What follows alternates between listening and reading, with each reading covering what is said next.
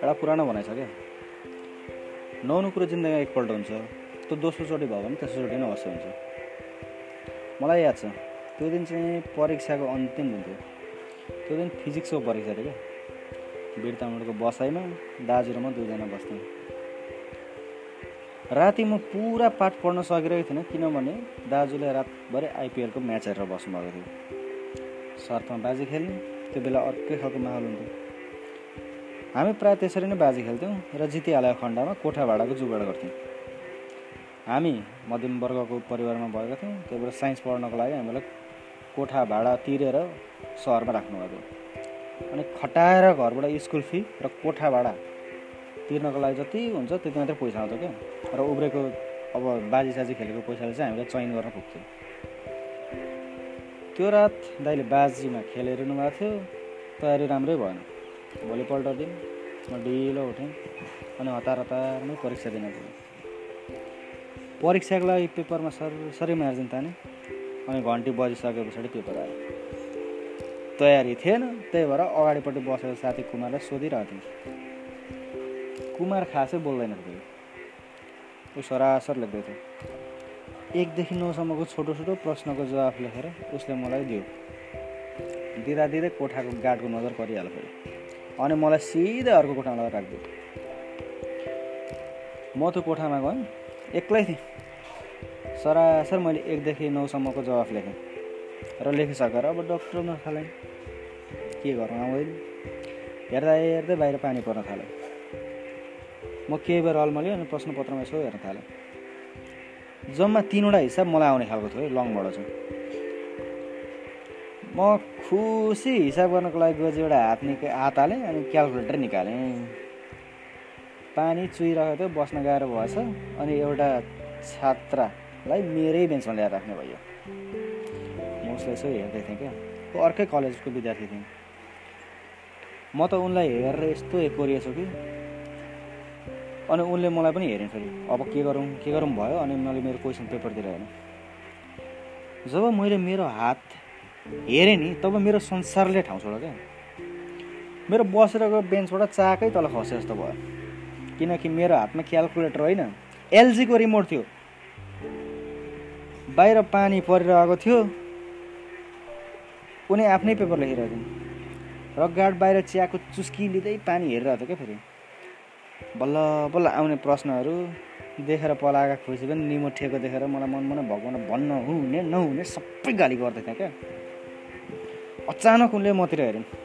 अनि मेरो हातमा रिमोट देखेर मुख छप्ता हाँस्न थाले उनी साह्रै राम्रो थिइन् फेरि। उनलाई मेरो आँखाले थ्री हन्ड्रेड सिक्सटी डिग्रीमा स्क्यान गर्दाखेरि हुनुपर्ने ठाउँमा ठिक्क ठिक्क भएका सेतो सर्टमा कालो टाई है? त्यो टाई पनि बिचबाट तल गएको हाँस्दाखेरि दुईतिर डिम्पल बस्ने त एक कोरिएको म उनलाई हेरिरहेको थिएँ फेरि। बिना केही मेकअप उनको त्यो उज्यालो मुहार हाँस्दा हाँस्दै उनको कान राता भइसकेको थियो।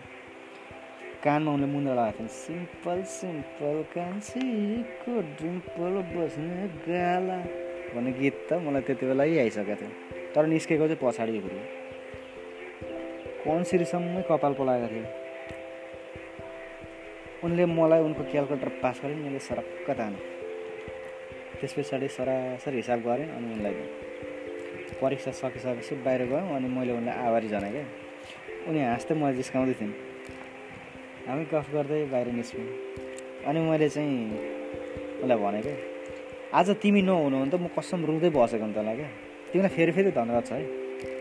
अनि कि मेरो नाम चाहिँ आलोक विष्ट तिम्रो नाम चाहिँ के हो? म त सोध्नै बिर्सेछु। उनले फेरि जिस्किँदै भनेको। क्यालकुलेटर रिमोटमै कन्फ्युज हुनेलाई आज भन्दा पनि भनौँला। भोलि फेरि बिर्सिनु त होला नि। होस् आफै पत्ता लगाउनुहोस् उनले त्यसरी नै भने मलाई आजको अठार वर्षको उमेर सायदै कसैले तपाईँ भनेको थियो मुटुमै लाग्यो क्या। कसम खुसी नि यति लागेको थियो कि डाक्खो छोडेर रोइदिउँ रोइदिउँ भएको थियो। उनी गाडी चढ्यो अनि उहाँ चाहिँ लाखार लाखार हालिँदै हालिँदै फर्किँदै थिएँ क्या। मलाई आजको घटनाले एकदमै ट्राजेडी दिएको थियो। जिन्दगीमा मलाई दिएको पहिलो ट्राजेडी भन्नुपर्छ। म रुममा पुगेँ अनि दाजुले सबै घटना सुनाएँ। तर सुनाएको कथामा क्यालकुलेटर दिने मान्छे केटा बनाएर सुनाएँ। दाइले हिजो म्याच जित्नु भएको रहेछ त्यही भएर मोबाइलमा रिचार्ज रहेछ। मैले पनि फेसबुक खोलेँ अनि नाम सर्च गर्नको लागि रेडी भएँ। तर लेख्ने के अब? नाम थाहा छैन। के लेखौँ के लेखौँ भयो? मनमा आउँछ कि अघि त मेरो छेउमा बसेको केटी भनेर गुगलमा खोज्दा भेटिनु नि जस्तो। के गर्नु? अब भोलिदेखि गलत छुट्टी छ न कसैलाई सोध्न सक्छु न अगाडि कहिले देखेको छु। मलाई उनको त झल्को यति आउँथ्यो कि लाग्थ्यो कि मलाई त दिउँसो डिप्रेसनै हुन्छ जस्तो क्या। अनि रात परिसकेपछि कतै हातका रेखा त मेटिँदैन भनेर टेन्सन पनि लाग्थ्यो फेरि। म त्यो बेलासम्म लाइफमा यस्तो होला भनेर सोचेकै थिएँ। उनी एमइटी कलेजमा पढ्थिन्। उनको बारेमा मलाई थाहा हो कि यति हो। उनले लगाएको लुगाले गर्दा मैले हालसम्म पत्ता लगाउन सकेको कुरा यही मात्र थियो। दिन बित्न थाल्यो। मेरो दाईको साथीको पनि दोस्रो वर्षको विदाय कार्यक्रम भएछ। फेसबुकमा अपलोड गरेको फोटो आयो। सर र हेरेँ मनोज दाई बाहेक अरू कसैलाई चिनेको छैन। अनि अर्को फोटो हेर्नको लागि चेन्ज मात्र गर्न आँटेको थिएँ। साइडमा उनको काटिएको फोटो आएको रहेछ क्या। भगवान् कसम त्यो डिम्पल चाहिँ पुरै आएको थियो। मैले त्यो फोटो हेरेँ। त्यहाँ लाइक कमेन्ट सेयर के के छ सबै थोक हेरेँ तर उनको जस्तो प्रोफाइल भेटिनँ त। मैले हरेक आइडी खोल्दै हेर्दै खोल्दै हेर्दै गरेँ ब्यालेन्स सकियो तर पत्तो लागेन। उनको त्यो फोटो सेभ गरेर राखेँ क्या अनि दिउँसो उसको